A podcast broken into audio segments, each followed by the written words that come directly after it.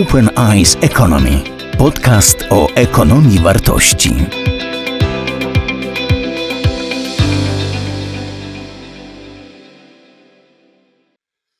Dzień dobry Państwu. Witam na kolejnym wykładzie z cyklu Ekonomia Wartości. To jedenasty wykład z 15 e, odcinkowego cyklu. Temat dzisiejszego wykładu to governance i jego konceptualne podstawy. Gdy mm, przygotowywałem wykłady, a to była jesień zeszłego roku, oczywiście nie zdawałem sobie sprawy, bo nikt sobie nie zdawał sprawy, w jakim momencie ten wykład e, będzie przedstawiany. E, pewnie dzisiaj e, nie użyłbym w tytule konceptualne podstawy i raczej zwracał się w kierunku bardziej praktycznych naszych doświadczeń, ale zapewniam, że tak będzie. Dlatego, że zaprosiłem na dzisiejszy wykład gościa absolutnie specjalnego, absolutnie nadzwyczajnego, którym jest dr Włodzimierz Cimoszewicz. Chciałem powitać, pozdrowić E, pana premiera Włodzimierza Cimoszewicza. Miałem okazję e, z Włodkiem Cimoszewiczem przez lata współpracować e, przy okazji naszych ról rządowych. Przypomnę, że poza byciem prezesem Rady Ministrów, Włodzimierz Cimoszewicz był także marszałkiem Sejmu, obecnie jest europosłem, jest także wykładowcą, specjalizuje się w prawie konstytucyjnym, jest wykształcenia prawnikiem bardzo Włodek za przyjęcie zaproszenia. To dla mnie wielkie wyróżnienie. A bardzo miło. Y, pan premier będzie miał dwa wystąpienia w trakcie wykładu.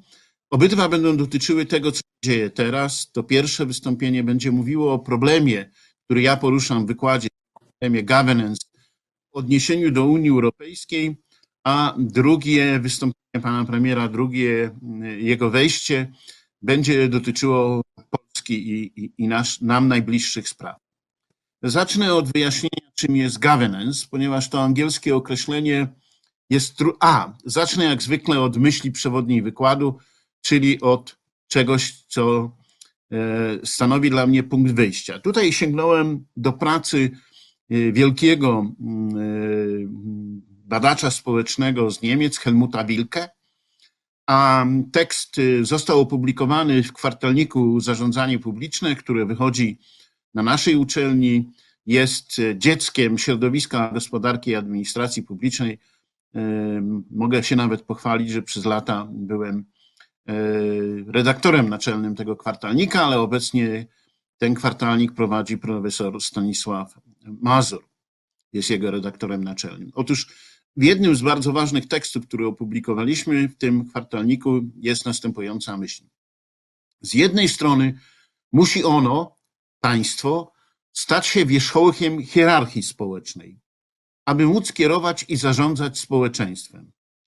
A z drugiej strony musi jednocześnie zrzec się możliwości władczego podejmowania decyzji, aby nie ingerować w autonomię i samoorganizację społeczeństwa.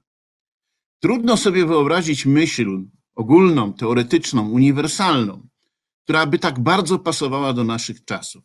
Przypominam, państwo musi być wierzchołkiem hierarchii społecznej, aby móc zarządzać tym naszym przypadku, obecnym przypadku, kryzysem, ale z drugiej strony musi jednocześnie zrzec się możliwości władczego podejmowania decyzji aby nie ingerować w autonomię i samoorganizacji społeczeństwa, bo inaczej, o czym będę mówił, kryzysu nie da się przezwyciężyć. Następny slajd pokazuje postać autora tej myśli, Helmuta Wilke. E, na tym slajdzie są podstawowe informacje o jego zaangażowaniu e, i Także y, wyliczone są, wymienione są jego najbardziej ważkie prace. Ten tekst, który cytowałem, znajdujący się w zarządzaniu publicznym, jest bardzo często cytowany, jest tekstem klasycznym. Proszę Państwa, zacznę od wyjaśnienia, czym jest governance. Jak powiedziałem, jest to pojęcie angielskie, które jest ciężko tłumaczone i w większości Y, odrębnych język, języków nauk społecznych, narodowych języków jest raczej nietłumaczone na wprost. No ale my musimy sobie wyjaśnić, co to jest governance. Ja tłumaczę w zależności od kontekstu albo jako współzarządzanie, albo jako współrządzenie. Przy czym to tłumaczenie jako współrządzenie odnoszę do centralnych, naczelnych struktur państwa, do tych działań, które są polityką w sensie czystym, a więc takie, które zaangażowane są naczelne organy państwa, takie jak parlament, takie jak rząd, takie jak w naszym przypadku y, prezydent. Teraz chcę podkreślić, że to pojęcie współzarządzanie, współrządzenie i to, że się ono przyjęło w naukach społecznych, nie tylko y, w politologii, ale także w innych naukach społecznych, oznacza, że podważamy klasyczne ujęcie państwa, którego takim wzorem jest definicja państwa przyjęta przez wielkiego, innego wielkiego uczonego niemieckiego, Maxa Webera. Oczywiście to jest postać sprzed stu lat. E, Max Weber podkreślał, że państwo jest naczelną organizacją, która kieruje ogólnospołeczną hierarchię i dysponuje e, monopolem władztwa prawnego i monopolem przymusu. Otóż na, na określonym terytorium. Otóż governance jako współrządzenie, jako współzarządzanie oznacza odrzucenie tej jednostronnej definicji, ponieważ oznacza, że my dostrzegamy uznania wiele, wielu podmiotów, które, które dysponują umożliwiającymi sprawowanie władztwa politycznego, na przykład samorząd terytorialny, ale nie tylko, na przykład międzynarodowe organizacje, no choćby takie jak Komisja Europejska. Czyli są to te podmioty, z którymi państwo podzieliło się w toku swojego rozwoju częścią swoich kompetencji, częścią swojego władztwa. I musi w związku z tym z nimi współdziałać. E, nie może sama sięgać po środki przymusu, a nawet jeśli, to te użycie środków przymusu i prawnego, i fizycznego jest poddane określonym wymogom, określonej kontroli. Bo to właśnie, że istnieje kontrola, wymusza współdziałanie. Nie może państwo jako naczelna organizacja działać samoistnie. Druga teza, którą chcę e, przedstawić jako przygotowanie e, problematyki wystąpienia pana premiera Cimoszewicza, jest następująca. Państwo w koncepcji governance przestaje być konceptualnie od strony teoretycznej i praktycznie organizacją wszechmogącą, omnipotentną i monocentryczną. To jest niezwykle ważne.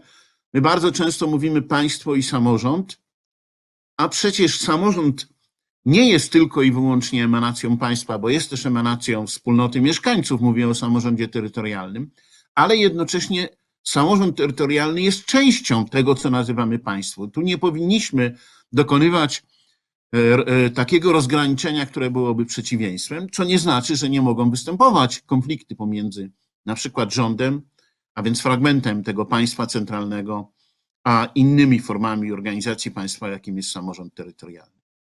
Czyli władztwo państwa jest ograniczone, ograniczone prawnie i faktycznie wskutek decentralizacji i dekoncentracji władzy. A więc w konsekwencji państwo przestaje być organizacją jednolitą, gdyż inaczej nie mogłoby być we współczesnym świecie skutecznie.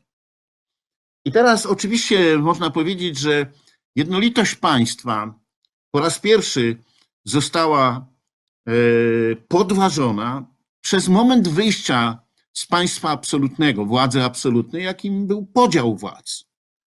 Ale to nie jest jedyne odejście od jednolitego władzy, bo ja przypomnę, ponieważ byłem członkiem Rady Polityki Pieniężnej, że polityka pieniężna została wyodrębniona i my mówimy o potrzebie niezależności banku centralnego, a więc niezależności polityki pieniężnej, jeśli chcemy, żeby polityka pieniężna i polityka fiskalna się do siebie dopasowywały, muszą być prowadzone przez różne organy, fiskalna przez rząd, a pieniężna przez bank centralny i niezależność banku centralnego nie wyklucza, wręcz przeciwnie, umożliwia współdziałanie. I właśnie o, o to chodzi przy współzarządzaniu.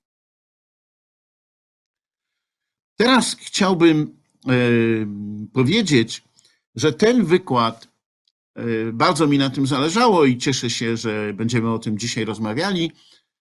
E, był przeze mnie przygotowany w kontekście globalnego kryzysu gospodarki rynkowej i systemu kapitalistycznego. Tego kryzysu, który wiąże się z upadkiem banku Lehman Brothers, wiąże się z wydarzeniami z poprzedniej dekady i e, chciałbym wyraźnie podkreślić, że wtedy pojawiła się bardzo silnie tendencja e, wiodąca w kierunku antyrynkowych i totalitarnych rozwiązań w niektórych krajach. Ona się nie umocniła. Ona mm, została przezwyciężona. Ale jeśli dzisiaj rozmawiamy o pandemii koronawirusa, to te same tendencje się pojawiają. Tendencje, które zaprzeczają potrzebie współzarządzania i potrzebie współrządzenia.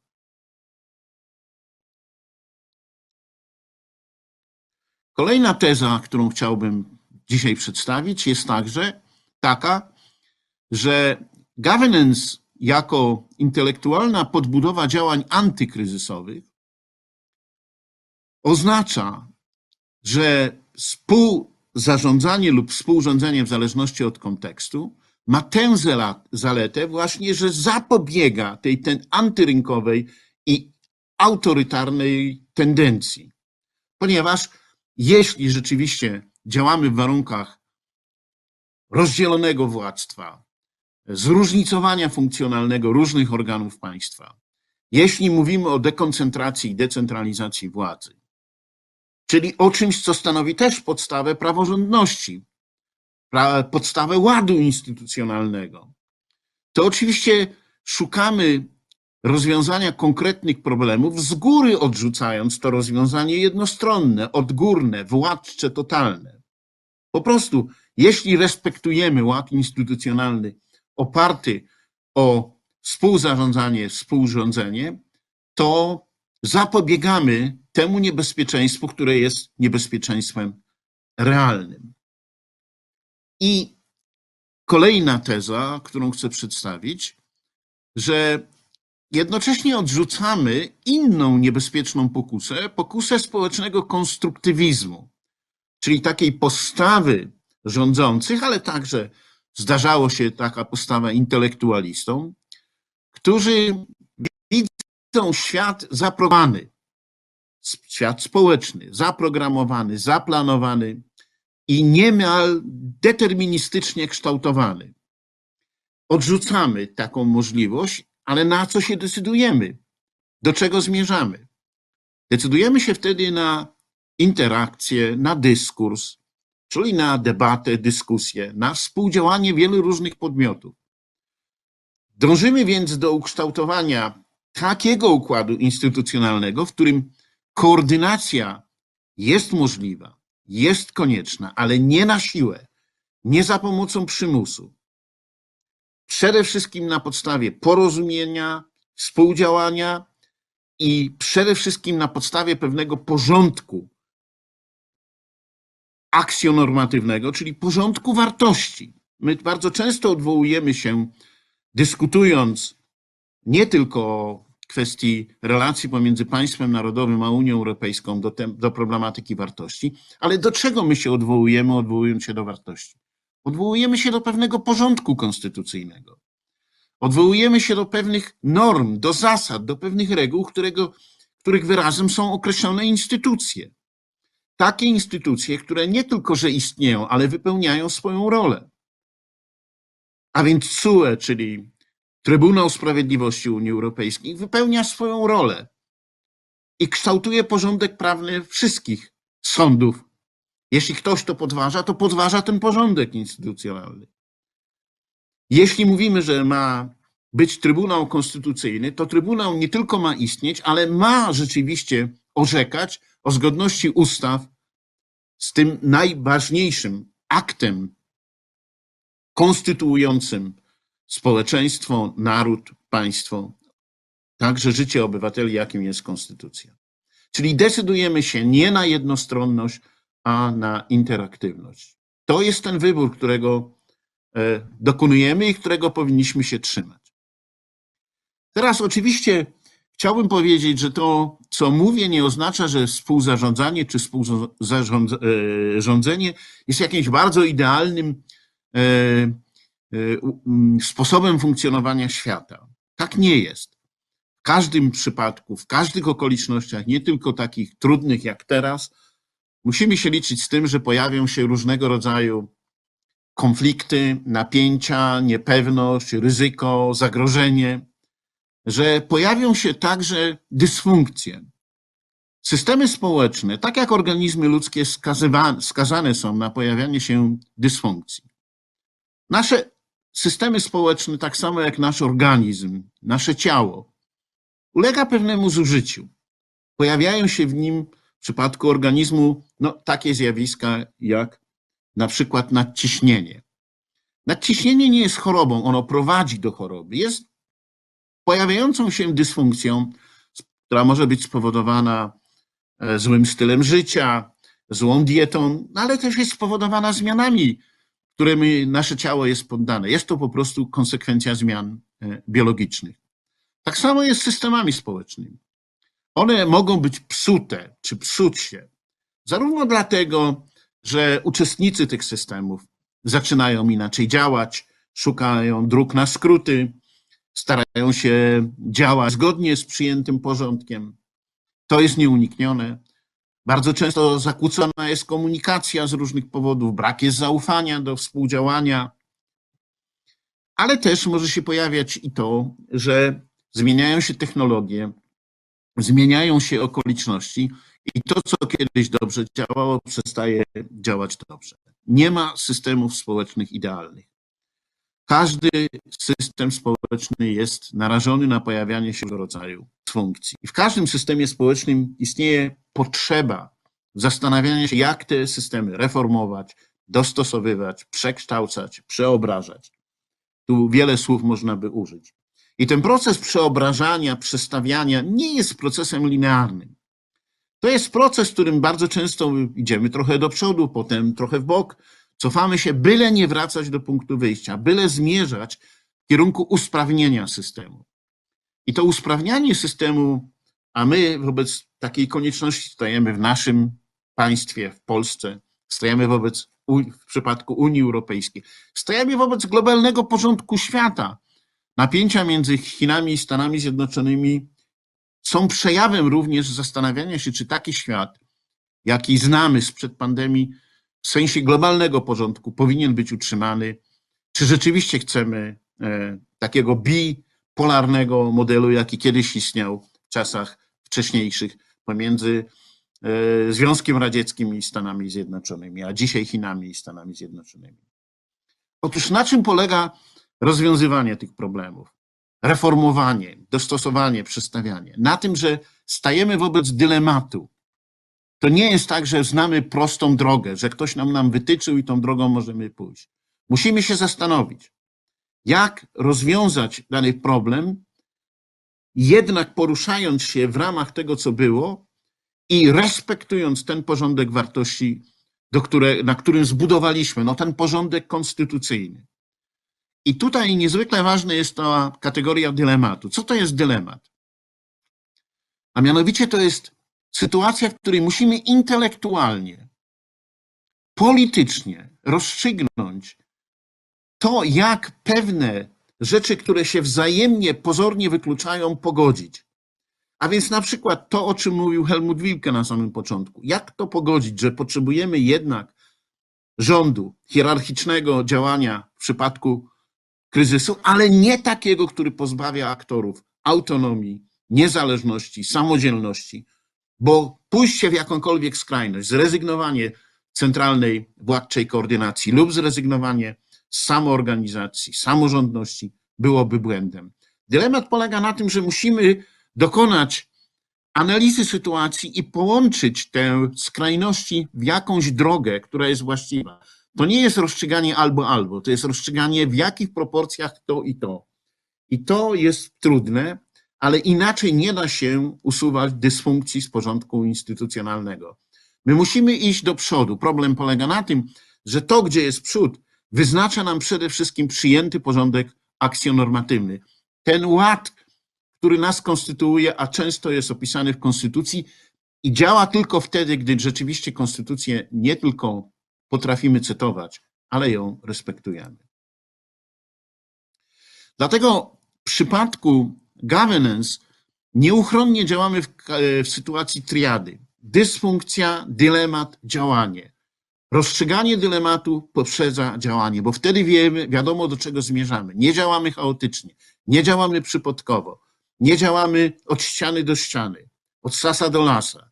Nie działamy na zasadzie przepychania w którą stronę, natomiast działamy na zasadzie, widzimy problem, źle funkcjonujący fragment systemu społecznego lub jakąś jego, jego, e, jakiś jego podsystem, na przykład opieka zdrowotna, zastanawiamy się, w jaki sposób można dzisiaj wybrać tą właściwą ścieżkę, godzimy różne rzeczy sprzeczne, do jakiego stopnia dopuszczamy na przykład prywatne praktyki lecznicze, a do jakiego stopnia kontrolę państwa. Tu musimy pogodzić te rzeczy, a następnie podejmujemy działanie, reformę, która zmierza do tego, żeby usunąć tę dysfunkcję, którą zaobserwowaliśmy.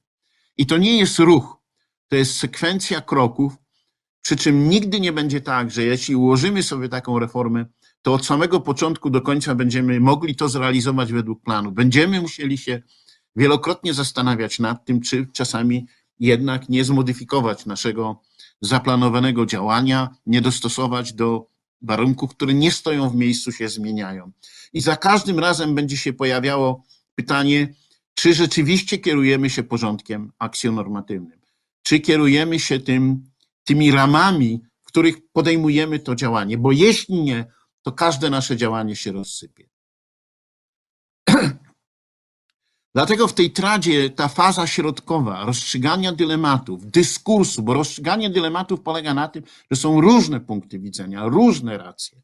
Wszystko jedno, czy ten dyskurs rozstrzygany jest w parlamencie, czy ten dyskurs jest rozstrzygany na jakimś innym forum, ale są różne racje, różne punkty widzenia.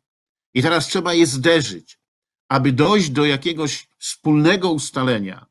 Tu nie chodzi o to, żeby ustalać wszystko z wszystkimi Natomiast, żeby te, a ci aktorzy, którzy mają legitymację społeczną, którzy mają zasoby potrzebne do rozwiązywania danego problemu, rzeczywiście potrafili uzgodnić podstawowe rzeczy. Bo wtedy wiadomo, że zmierzamy do jakiegoś celu, który jest celem wyznaczonym właśnie na poziomie, w tej fazie rozstrzygania dylematu. Proszę Państwa, to była pierwsza część wprowadzająca do wystąpienia, pierwszego wystąpienia pana Włodzimierza Cimoszewicza. Umówiliśmy się, że to pierwsze wystąpienie będzie dotyczyło tego, jak funkcjonuje ład instytucjonalny w Unii Europejskiej i wobec jakich dylematów dzisiaj Unia Europejska stoi i w jaki sposób sobie pan premier e, Cimoszewicz, europoseł, wyobraża rozstrzyganie tych dylematów. Bardzo proszę, Włodek. Dziękuję. Dzień dobry jeszcze raz. Ja zacznę od e, dwóch e, uwag do tego, co wcześniej powiedziałeś. E, pierwsza chodzi o funkcjonowanie rozmaitych systemów społecznych, o to, że z, z czasem, wskutek różnych przyczyn, chociażby właśnie upływu czasu, starzenia się, ale także patologizacji, występują w nich problemy z ich funkcjonowaniem, wymagające jakiejś korekty. Otóż e, wydaje mi się, że nie tylko teoretycznie, ale i, e, i w praktyce zdarzają się, możliwe są takie systemy, i to e, makrosystemy obejmujące funkcjonowanie złożonych zbiorowości, złożonych struktur państw, które mają dosyć dużą zdolność do autokorekty, do autonaprawy, do modernizacji itd. Tak ja od dziesięcioleci interesuję się, wręcz fascynuję się tym, co się wydarzyło w drugiej połowie XVIII wieku w dawnych koloniach angielskich, późniejszych Stanach Zjednoczonych. I myślę w tej chwili o amerykańskiej konstytucji, która, jak wiadomo, e, jest prawem obowiązującym od ponad 230 lat e, i w tym czasie nie uległa żadnym istotnym zmianom. Przyjęto do niej 27 tak zwanych poprawek. One poza wyborami, e, zmianą systemu wyborczego senatorów federalnych, żadnych istotnych korekt systemu nie wprowadzały. A jednocześnie, mimo że przecież świat się trochę zmienił przez te 230 parę lat, Konstytucja, niezwykle skromna, powiedziałbym, gdy chodzi o jej objętość, szczegółowość, składająca się po prostu z kilku artykułów, funkcjonuje i nadal pozwala temu państwu na funkcjonowanie. Obserwujemy ci, którzy się tym interesują, rozmaite problemy, jakie tam występują, jednak e, trzeba dostrzec, że ewolucja w ciągu ponad dwóch wieków miała miejsce, ewolucja systemu społecznego, politycznego i e, dokonała się w ramach tejże samej konstytucji. Dlaczego to było możliwe? Dlatego, że chociaż tego twórcy y, Stanów Zjednoczonych nie zaplanowali, to się troszkę przypadkowo wydarzyło. W systemie konstytucyjnym znajduje się y, rodzaj mechanizmu dbającego, odpowiedzialnego za autokorektę. I to są funkcje Sądu Najwyższego. E, w Konstytucji nie wpisano uprawnienia Sądu Najwyższego do kontroli konstytucyjności stanowionego prawa i decyzji e, prezydenta, jednak e, już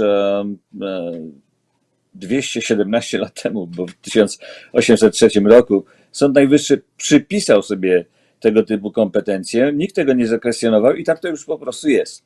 I w zależności od tego, jak aktualna większość z dziewięciu sędziów Sądu Najwyższego rozumiała rozmaite e, przepisy konstytucyjne, a więc jakie interpretowała w warunkach e, nowej, zmieniającej się rzeczywistości, tak też rozumiano system i tak ten system de facto e, korygowano. W ten sposób on może trwać. Czyli istnieje teoretyczna możliwość wbudowania w system do DNA systemu swoistego genu odpowiedzialnego za autonaprawę. Mnie się osobiście wydaje, że to także z teoretycznego punktu widzenia jest niezwykle interesujące, wręcz fascynujące, dlatego że e, to jest rodzaj takiego e, mechanizmu doskonałego, czy niemal doskonałego i byłoby znakomicie, gdybyśmy e, współcześnie, tworząc rozmaite mechanizmy, chociażby w postaci organizacji międzynarodowych, byli zdolni do takiego świadomego zaplanowania owych mechanizmów. I druga uwaga dotycząca państwa, jego roli, jego pozycji, jego zadań.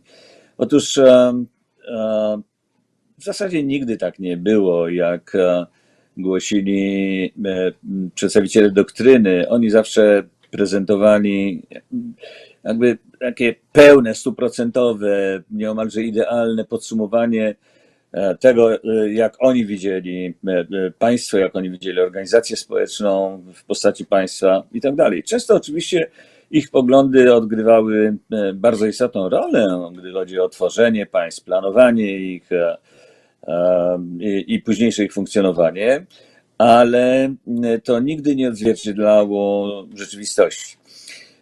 Współczesna epoka państw, funkcjonowania państw zaczęła się połowie XVII wieku wraz z traktatem i pokojem westfalskim, kiedy w reakcji na wcześniejszą sytuację ze średniowiecza wylansowana została koncepcja suwerenności, niezależności państwowej. Ale po pierwsze, gdy chodzi o relacje zewnętrzne, państwa nigdy nie były w pełni suwerenne, bo musiały współdziałać z innymi. I e, sytuacja w tym zakresie zmieniała się E, Im później, tym bardziej dynamicznie, poczynając od XIX wieku niezwykle dynamicznie, a XX wiek e, to już e, jest okres prawdziwej rewolucji, gdy chodzi o stosunki międzynarodowe, a tym samym samo ograniczanie suwerenności państw wynikające ze świadomości, że leży w ich interesie współdziałanie z innymi. I może nie tyle jednocześnie, równolegle, bo te procesy, o których teraz wspomnę, zaczęły się później, ale to, co się działo wewnątrz państw, wewnątrz społeczeństw, wtedy, kiedy systemy republikańskie przez e, rozszerzanie kategorii e, praw ludzkich, obywatelskich e, po prostu przekształcały się w demokrację, współczesne demokracje, kiedy demokracja ewoluowała ku coraz doskonalszym, głębszym formom. To wszystko się też zmieniało i zmieniała się zarówno rola państwa, jak i władz państwowych. I to jest to, o czym mówiłeś tutaj, o de, wspominając o decentralizacji i dekoncentracji władzy, o rządzie centralnym, o roli samorządów i tak. Spójrzmy teraz, e, jak w tym wszystkim e, funkcjonuje i jak powinna funkcjonować e, Unia Europejska i wobec jakich wyzwań stoi.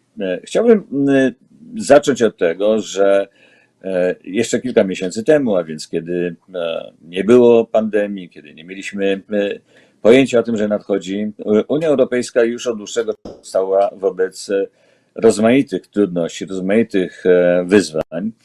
E, poczynając od wspomnianego przez Ciebie e, kryzysu finansowo-ekonomicznego sprzed 10 lat e, czy 12 lat, z jego konsekwencjami ekonomicznymi, społecznymi, ale także politycznymi. W moim przekonaniu w dużym stopniu te, te przyczyny ekonomiczno-społeczne doprowadziły do wzrostu populizmu i nacjonalizmu w, w państwach wysoko rozwiniętego Zachodu, zwłaszcza w Europie. E, ale także od e, bardzo dawna zresztą Europa e, borykała się, boryka, musi się liczyć z kłopotem związanym z naszą sytuacją demograficzną. Wiadomo, że Europa jest kontynentem starzejącym się z rozmaitymi konsekwencjami społecznymi i ekonomicznymi. Borykaliśmy się z takimi problemami jak chociażby po rozszerzeniu w 2004, w ramach którego my staliśmy się członkiem, nierównowaga e, wewnętrzna w Unii Europejskiej, fakt, że do państw e, wyżej rozwiniętych ekonomicznie dołączyły państwa e, na dorobku, co prowadziło między innymi do natychmiastowego, natychmiastowego ujawniania się potencjalnej, a później realnej presji migracyjnej. I wraz z otwarciem rynków e, pracy doprowadziło do wielkich, e, wielomilionowych e, migracji wewnątrz Unii Europejskiej z rozmaitymi znowu konsekwencjami. W państwach, do których migrowano, z jednej strony przynosiło to pozytywne skutki ekonomiczne, niekoniecznie pozytywne skutki społeczno-polityczne. W państwach, z których emigrowano, czasami, tak jak w Polsce, ułatwiało to rozwiązanie problemu bezrobocia, ale czasami, jak chociażby w Bułgarii, czy w dużym stopniu na Litwie, prowadziło do takiego zubożenia e, e, społeczeństwa i rynku pracy, zwłaszcza gdy chodzi o e, ludzi młodszych, lepiej wykształconych, bardziej zaradnych, że te społeczeństwa odczuwają bardzo poważne kłopoty z tym związane. Oczywiście ta nierównowaga miała także inne konsekwencje, ta nie, nie, nie, niewspółmierność poziomu warunków życiowych, rosnące frustracje w tych e, społeczeństwach, których, e, zwłaszcza, w których zwłaszcza młodsze pokolenie nie bardzo mogą zrozumieć, dlaczego e, mimo, że pracują podobnie jak ich rówieśnicy w państwach bogatszych, to żyją biedniej, to nasze dochody są nadal mniejsze. Oczywiście rozmaite problemy wynikały z faktu, że do Unii Monetarnej należy chociaż większość, ale jednak tylko część państw członkowskich te państwa chciały i chcą pogłębiać swoją współpracę, między innymi przez przyjmowanie rozmaitych instrumentów, w tym także finansowych, finansowych, e, a ci, którzy są poza Unią, obawiają się, że to może się odbywać w jakimś stopniu ich kosztem. W związku z tym wykazują sporą dozę nieufności. Wreszcie e, istniały, istnieją problemy związane z różną skłonnością do posuwania dalej integracji, rozszerzania jej, zwiększania kompetencji. Jedni są za, inni nie. Jedni są lepiej do tego przygotowani e, politycznie, ale także organizacyjnie, materialnie, inni mniej. Dodatkowo dochodziły do tego wyzwania, powiedziałbym, natury zewnętrznej. E, nie będę tego wątku jakoś szczególnie rozwijał, ale e, gigantyczne, przeogromne zmiany ekonomiczne, polityczne, jakie zaszły w ostatnim ćwierćwieczu w świecie, w całym układzie geopolitycznym, doprowadziły do tego, że takie państwa jak e, nasze europejskie, członkowskie Unii Europejskiej stoją wobec e, e, ogromnego wyzwania konkurencji ze strony nowych potęg ekonomicznych, co czasami przyjmuje takie zaskakujące konsekwencje, wymiary, jak chociażby to, co obserwowaliśmy ostatnio, w ostatnich tygodniach i miesiącach, już w okresie pandemii, gdy okazało się, że Gospodarka funkcjonowała w taki sposób, że produkcja rzeczy niezwykle potrzebnych z punktu widzenia naszego osobistego i społecznego bezpieczeństwa wyemigrowała, że nie dysponujemy e, swoimi środkami ochrony osobistej, personelu medycznego e, i tak tak. I że w sytuacji kryzysowej raptem trzeba podejmować jakieś zupełnie nadzwyczajne działania, żeby się e, ratować. A e, wyzwaniem było, pozostaje to, co się dzieje w naszym otoczeniu, zarówno w wymiarze demograficznym, a e, innych rodzi się o wiele więcej i zdolność przeżywania rośnie, w związku z tym rośnie też presja migracyjna w stosunku do Europy, ale także w tym sensie, że w naszym sąsiedztwie, w Afryce Północnej, na Bliskim Wschodzie, pogłębiła się niestabilność polityczna i w zakresie bezpieczeństwa, co stanowi bezpośrednie zagrożenie e, dla nas. Dodajmy do tego gigantyczne zmiany technologiczne, które zmieniają gospodarkę, ale zmieniają także nasze życie e, osobiste, życie codzienne. To wszystko złożyło się na taką mieszankę, która wywołała spore zaniepokojenie w wielu społeczeństwach, która spowodowała, że, e, że przyszłość stała się mniej przewidywalna i tym samym pojawiły się warunki do szukania łatwych populistycznych odpowiedzi. Ten stan rzeczy był już znany od e, kilku lat. Niestety w zasadzie niczego nie robiono w sposób jakby świadomy, żeby się temu przeciwstawiać.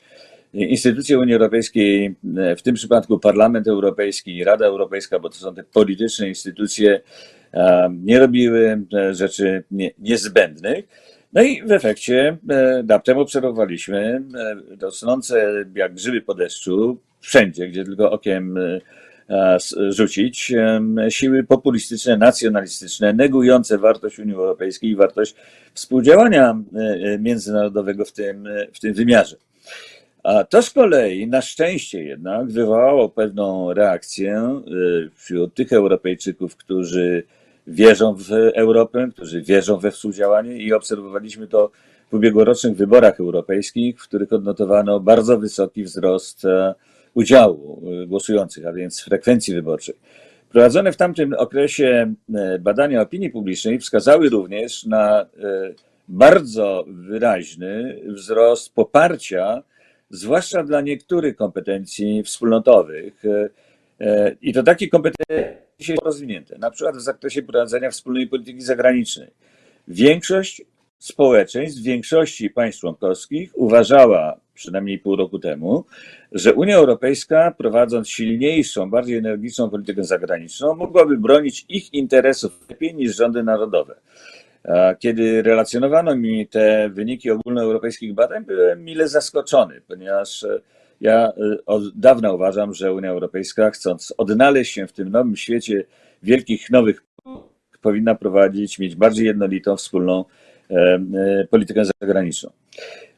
COVID-19 e, jest rodzajem e, e, takiego wydarzenia demaskującego, odsłaniającego rozmaite słabości naszej wspólnoty. Po pierwsze, ujawnił to, co powinno być nam wiadome, mianowicie, że kompetencje Unii Europejskiej w niektórych obszarach są zerowe lub bliskie zeru, na przykład w zakresie ochrony zdrowia. Ale także ujawnił niestety zdumiewającą wprost skłonność do działań egoistycznych, separatystycznych, niewspólnych. Raptem gdzieś ciągu kilku, kilkunastu dni zniknął duch Solidarności Europejskiej, zrozumienia sensu i chęci współpracy. Wszyscy zaczęli podejmować działania samodzielnie. Z jednej strony w sytuacji, gdy Unia Europejska nie miała kompetencji, to jest zrozumiałe, ale gdy chodzi o rodzaj podejmowanych działań, już mniej. Często one nie miały wielkiego sensu, gdy chodzi o zwalczanie epidemii, e, ale miały pewien sens polityczno-propagandowy, e, co świadczyło z kolei o tym, że niestety w różnych państwach, i to nie tylko tych eurosceptycznych, takich jak współczesna Polska czy Węgry, ale także w wielu państwach, prymusach integracji europejskiej, e, takie egoizmy potrafią odżyć błyskawicznie i pojawić się na zasadzie wręcz eksplozji. To jest e, wielka nauczka. To jest wielka nauczka, z której powinniśmy wyciągnąć e, wnioski. E, nie wiemy oczywiście, kiedy się ta epidemia zakończy, no ale kiedyś albo się zakończy, albo przynajmniej na tyle zostanie opanowana, że umożliwi e, bardziej energiczne wspólne działania, chociażby w zakresie dyskusji o przyszłości. W maju miała rozpocząć się konferencja dla przyszłości Europy, inicjowana przez Komisję i Parlament Europejski, za, pomyślana jako wielka dwuletnia debata o przyszłości wspólnoty europejskiej. Oczywiście początek nie mógł się e, teraz odbyć, jest to przesunięte na wrzesień, zobaczymy kiedy się zacznie. E, jednak e, zarówno te doświadczenia ostatnich kilku czy kilkunastu lat, jak i ostatnich kilku miesięcy stwarzają, dają materiał do przemyśleń, do dyskusji, ale także stwarzają w moim przekonaniu niezwykle silną zachętę do tego, żeby zacząć działać. E, na czym te działania miały polegać? No, chodzi po, o, do, o doprowadzenie do takiej sytuacji, kiedy będziemy bardziej skuteczni, bardziej energiczni, kiedy będziemy trochę mniej mówili, e, a więcej decydowali. E, a to oznacza zarówno wyposażanie instytucji unijnych w takie kompetencje, które są niezbędne do tego, żeby radzić sobie z kłopotami, wobec których stoimy, jak i aby przyjmować takie procedury decyzyjne, które rzeczywiście umożliwią podejmowanie decyzji. Obecna Komisja Europejska zaprezentowała, i to w pierwszych tygodniach swojego działania, zaskakująco dojrzałe, rozwinięte koncepcje, zwłaszcza w dwóch obszarach bardzo ważnych, o których ja do tej pory nie wspomniałem.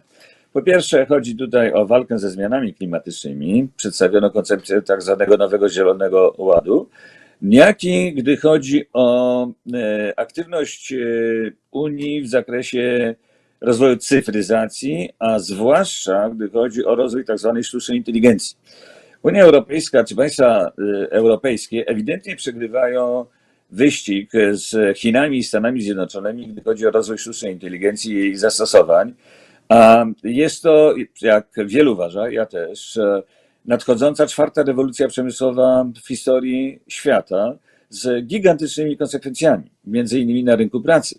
Sztuczna inteligencja doprowadzi do zburzenia dotychczasowej struktury zatrudnienia i wymusi z jednej strony takie działania, powiedziałbym, łagodzące ból społeczny, ból ludzki, a z drugiej strony wymusi działania e, zmierzające do tworzenia zupełnie nowych e, rodzajów zatrudnienia, a także gdy chodzi o uelastycznienie reguł zatrudnienia. Ja osobiście jestem przekonany, że na przykład skracanie tygodniowego wymiaru czasu pracy staje się nieuchronne, jeżeli chcemy stworzyć trochę więcej przestrzeni do zatrudnienia ludzi, którzy będą w, w swoich zawodach, dotychczasowych, tradycyjnych zawodach już e, niepotrzebni.